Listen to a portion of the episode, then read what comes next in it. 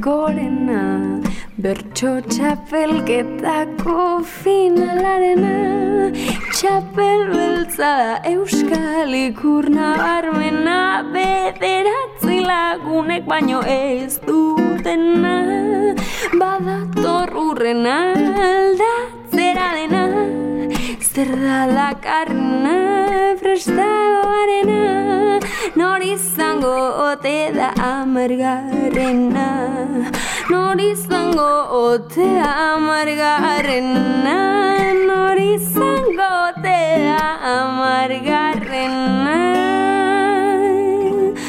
Nor izango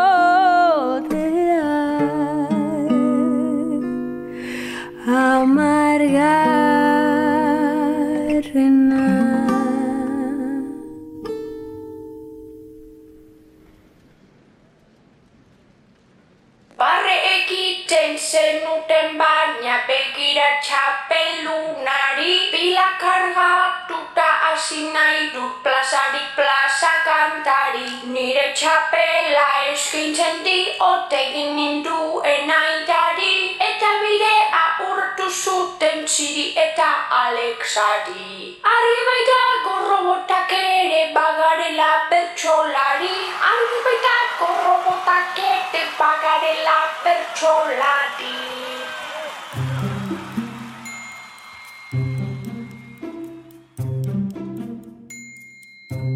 Azimut Faktoriak aurkezten du Amargarrena. EITB podcast atariarentzat sortutako fikzioa. Hirugarren atala. Robota bertxotan txapeldun? Irene.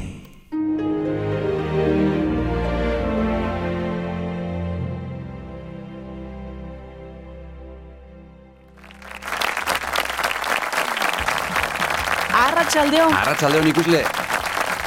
Duela hamar urte, gaurko egunez, nola pasatzen den denbora, Bai, bai. historian lehen aldiz, robot batek jantzi zuen Euskal Herriko txapela. arratsaldeon bai, orain hamarkada bat robotak bertxotan gizakia menderatzeko gauza zirela frogatu zuen Irenek. Robot txapeldunaren sortzaileak ez du aurkezpen handirik behar ezagutuko duzue, Irene bezain famatua egin baitzen. Kartzelatik baimen berezi batekin aterata gertatutako guztia esklusiban kontatzera etorri da. Gurekin da Victor Etxenike. Victor, Arratsaldeon, Arratxaldeon. zer modu zaude? Ba, itzalpean pasatako denbora luzearen ondoren, barruak usteko beharrarekin. Ba, azula saize hemen izango duzu horretarako hastia. Irene, robot bertsolariaren aita, zarela esan liteke, baina sekula ez duzu aitortu nondik jaio zen Irene sortzeko ideia ura. Ados. Hori azaltzeko urte asko egin behar dut atzera. Unibertsitate garaietara zehazki. Iruinean nintzela hasi dena.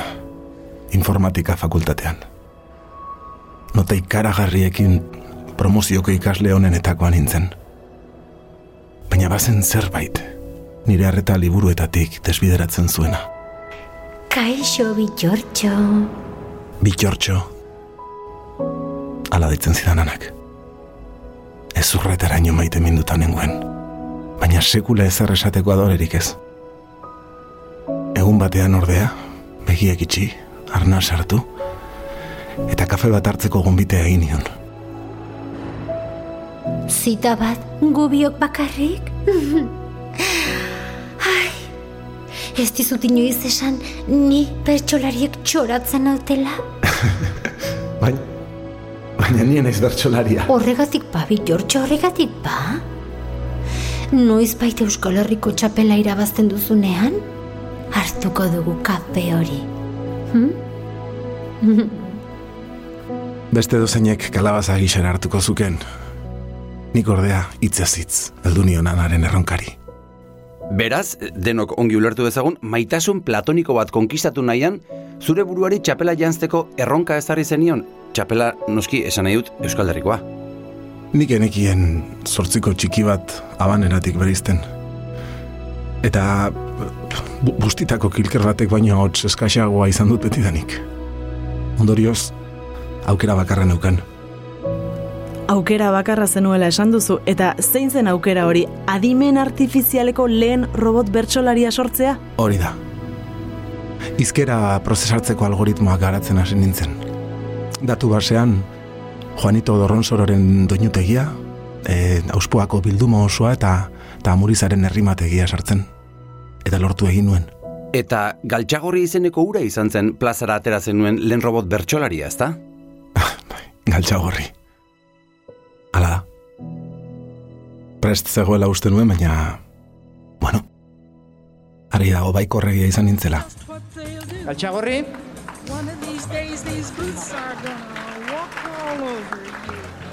Ba, nire lagunak, galtxagorrintzako. Bertxolari, kantari, ugari eta adi. Sumatu genezake hainbat bertsolari Esperantzaz gabiltza gaurkoan kantari Oiek ere ez ditut izango ugari Euroa hemen da eta egon zaitez adi I, Sebastian, hau zein da, galtxagorri ala lotzagorri. Uh, txarra morratu edu gero. Ei, rumbat! Sei ezak alfombra azpia garbitzea! Hobeto dugu duketa! Joder! Ze txar! Bai eskasa. Bere bertsoek ez zuten zentzurik. Baina entzuleen eta bertsolarien barre maltzurrak baino. Anaren ziztadak lehertu zidan bihotza. Ai, bi, Giorgio. Hmm. Lehenago ikasiko dute txerriek egan? Zure txatarrek bertxotan baino. Kafea oztuko zaigu. Hmm. Esan diguzunagatik bitor, lehen saiakera haiek, alegin haiek ez ziren oso paroak emankorrak izan zuretzat, baina hala ere, etzenuen etxi eta aurrera jarraitzea erabaki zenuen. Algoritmoak eta software informatikoa garatzen jarraitu nuen. Baina robotari falta zitzaion eman behar nion. Emozioak, sena eta sentimenduak. Bai, ez dira oso errex lotzen berez, ez da robot bat eta emozioak, sena eta sentimenduak. Ez, ez, Nola ematen zaio Victor makina bati hori guztia? nik ana maite mintza besterik enuen nahi. Beste ez zerrez. Bitor, gogoratzen duzun bakoitzean, unkitu egiten zara, ez da? Hartu lasai. Eskerrik asko. Hartu urtrago bat, eta jarraituko dugu. Nola egin zenuen? Orduko bertsolari honenei lapurtu nien adimena. Gogoan duzue gaina lujanbio edo Arzailusen garuna aztertzeko egindako ikerketa famatua. Bai, bai, hori gogoratzeko izan zen, gogoratzen dut nola buruak kablez beteta ikusten zitzaien, kapsula baten barruan sartuta nola aritu ziren bertxotan, ikerketa hura egia esateko telebista eta egunkari guztietan agertu zen. Ba guztia, amarru bat izan zen. Bertsolari onenei adimendatuak lapurtu. Eta irene sortzeko. Horrela sortu zen beraz, Irene, lehen robot bertsolari txapelduna. Ez dut inoiz ahaztuko. Begiak ireki zituen eguna.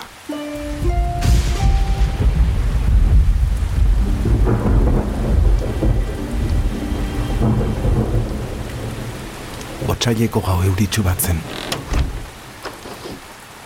Oatilan etzan da zegoen irene. Eta azken kableak soldatzen ari nintzen.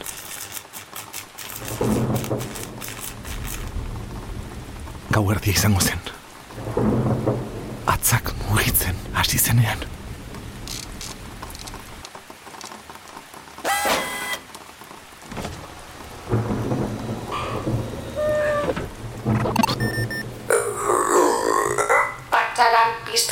Ez duzu erukiko niretzat.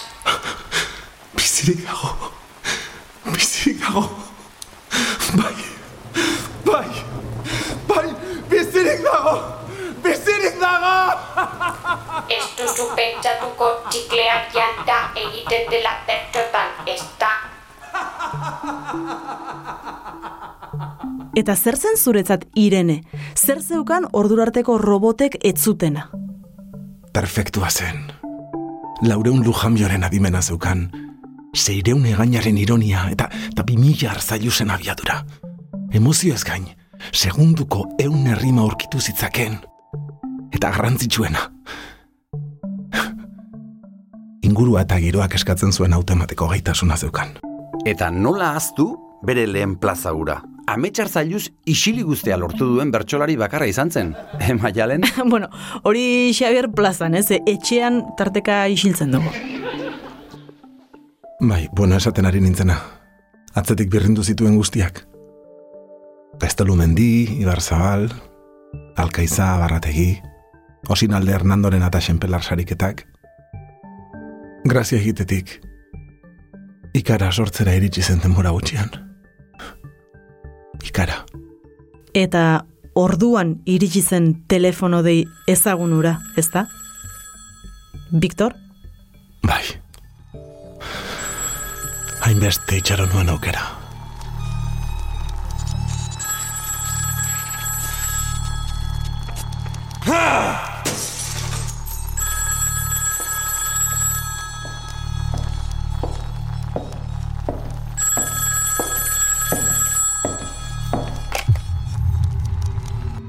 Victor Etxenikerekin mesedez? Irati murua naiz. Bertxozale elkarteko lehendakaria. Bertsolarien protesten gatik deitzen badidazu jai duzu. Ez daukat irene plazatik ateratzeko asmurik. Ez da hori. Aurtengo txapelketa nagusia beste era batera jokatzea nahi dugu. Eta proposamen bat luzatu nahi dizut. Bertsolaritzaren oinarriak astinduko dituen zerbait. Zerbait handia. Enaiz letretakoa, venga. Zoa zarira, mesedez. Formatu berri bat. Buruz buruko bat. Garai bateko desafioetan oinarrituz historian lehen aldiz. Gizakia robotaren aurka. Ja. Ulertzen dut? Kasparofen eta Deep Bluren arteko xake partida hura bezala? Horixe bera, baina bertxotan. Zer diozu? Kafea ez da ostu oraindik lastana. Zatoz, eta muxukan ezazu. Uh, zer? Barkatu? Uh, ez dizut ondo ulertzen, Victor doktorea. E, bai, barkatu, barkatu, bai, bai. E, bai, onartzen dut erronka. Bai, desafioark ikusmin ikaragarria sortu zuen. Pentsa, milaka eta milaka lagun elkartu ziren bilabonan historiako lehen desafioa jokatu zenean bezala. Baina, txabolategi eta zabalaren lekuan... Irene eta orduko bertsolari honena. Azken botxapelak irabazi zituen Gari Almandoz. Nola ahaztu finalura.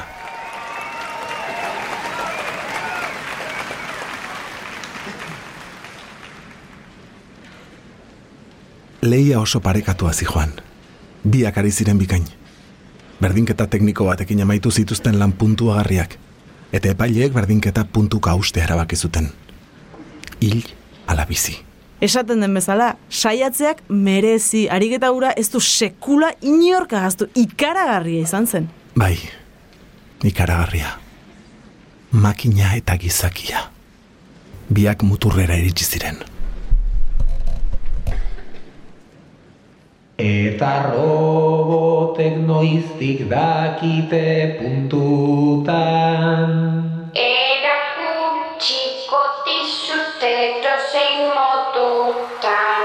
Ea ezaren hasten kabletatik zutan.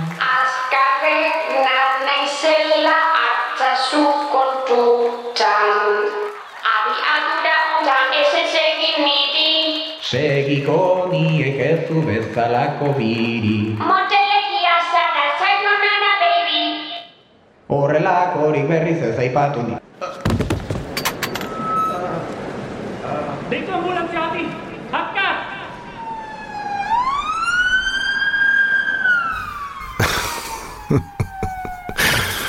Ai, xake mate. Ireneren erritmoa jarraitzen saiatu zen gari, eta konordea galduta zipler hori zen. Irene txapela jantzita ikustean, buah, Zorion betea sentitu nuen. Eta Euskal Herriko Unibertsitateak doktore honoris causa izendatu zintuen. Nobel saria ere eman zizuten, eta saian aldizkariko azala ere izan zinen alajaina. Zer egin zizun ilusio handiena? Oparirik ederrena. Beste bat izan zen.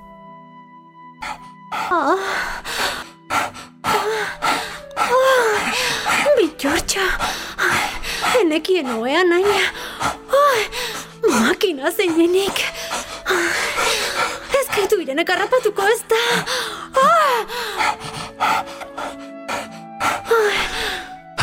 Lasai, ituren endu bertso afaria. Bertso zarraka besten hariko da. Lazkao txikiren txistea kontatzen hasi aurretik.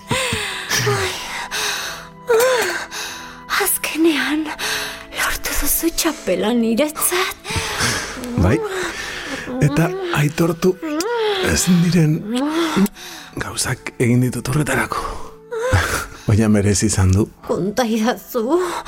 Konta idazu nola egin duzun bitxortxa. Konta idazu. Ezin dut maitea.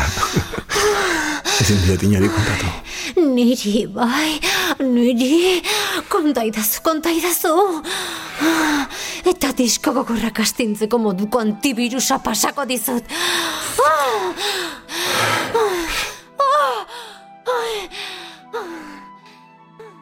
Eta mozolo galantanik. Joder. Guzti guztia kontatu nion. Bertsolariei adimena lapurtzeko egin nuen ikerketa faltsua barne.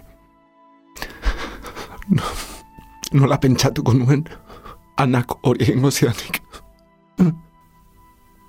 Nola? Viktor lasai egin negar hemen barruak usteko gaude.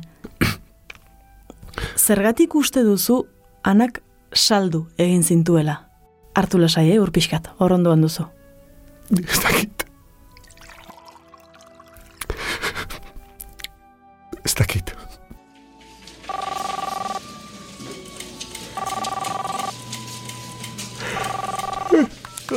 Ertzaintza bai esan. Salaketa bat jarri nahi dut. Viktor Etxenike zientzialariaren aurka. Itxoin, itxoin. Irene robotaren aitaren aurka. Bai, hain zuzen ere. Viktor. Viktor, iruzur gile bata. Gehien maite nuen pertsonak salatu egin ninduen.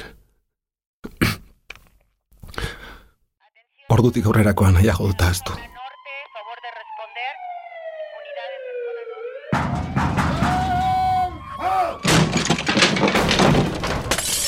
Victor Etxenike, epailearen aginduz, atxilotuta zaude. Egiletza eskubidearen aurkako delitu larria eta baimenik gabeko datuen lapurreta leporatuta. Esaten duzun guztia zure aurka erabiliko da epaiaren aurrean. Ondoa jota guztia itortu nuen komisarian. Nire material guztia eraman zuten. Ordenagailuak, disko gogorrak. Eta Euskal Herriko txapela. Eta Irene? Irene. Badakit, Irene gaixoak. Bihotz eta harima defendatu zuela bere burua azken unen arte.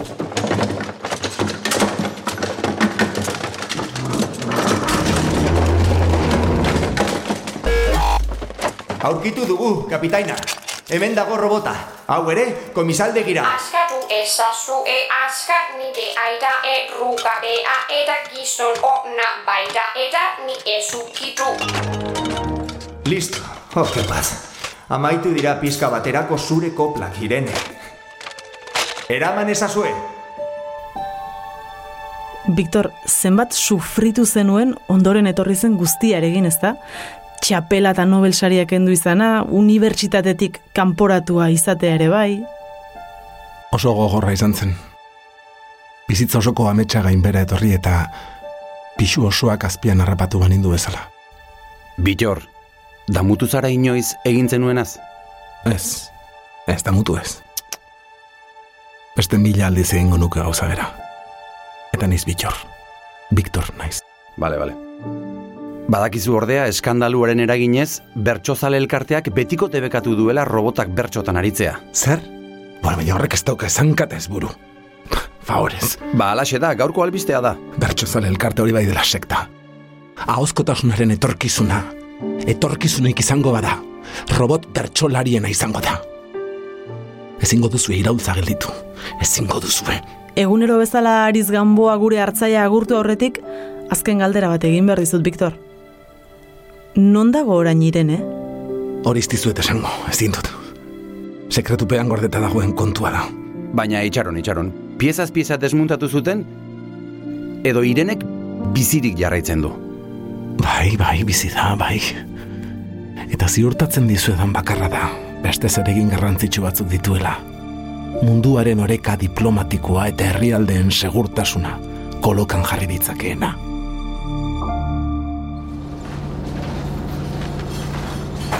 Joño, Isidro, beidazak, nobedade adiau, kafe magina berria jarri ziotek fabrikan. Argibili, izango dik kamera eskuturen bat zenbat hartzen dizkiagun jakiteko.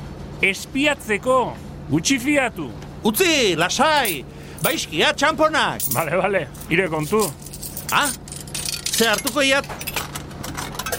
Arrezazu bizakia, lehen bailen erabaki, ahain zaila ere ezin da izan utxa edo ebakia. Entzun alde! Ai, badios! Berzotan egiten kafe makina, eh? Hau, hau, sekula ikusia, ninduen. Joder, aurpegi harra gehatu zaik. Flipautan etxoketa, bertsuak egin. Ikarrena izitrori utxata luze atori ea bingo ankentzen dizudan mozolo aurpegi. Mozolo! Erra botaik, eh? Egon adixik, tripaki. Mozolo! Bertxotan egin du kafe makina bat. Ike inbarre, bai, Ike inbarre. Eunen batean munduaren jabe egingo ditu. Eta gu, konturatu ere. Ostia. Egunen batean bai, egunen batean.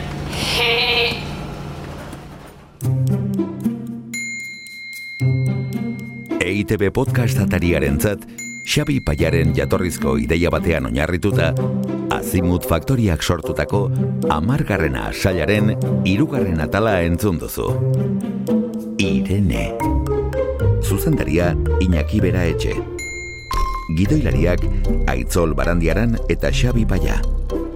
Aktoreak Xabiar Sukia, Maialen Arzaios, Ainoa Ayerbe, Jose Felipe Auzmendi, Aitzol Barandiaran, Kepa Errasti, Dana Herriaño, Aintzane Gamiz, Aner Peritz, Inigo Quintana, Ander Bildosola eta Jon Iraola. Soinu diseinua Iñaki Bera Etxe. Musika Dana Herriaño. Grabaketak Xabier Rabalde. Nahasketak Mediabox. Eta ekoizpena Jone Zabala.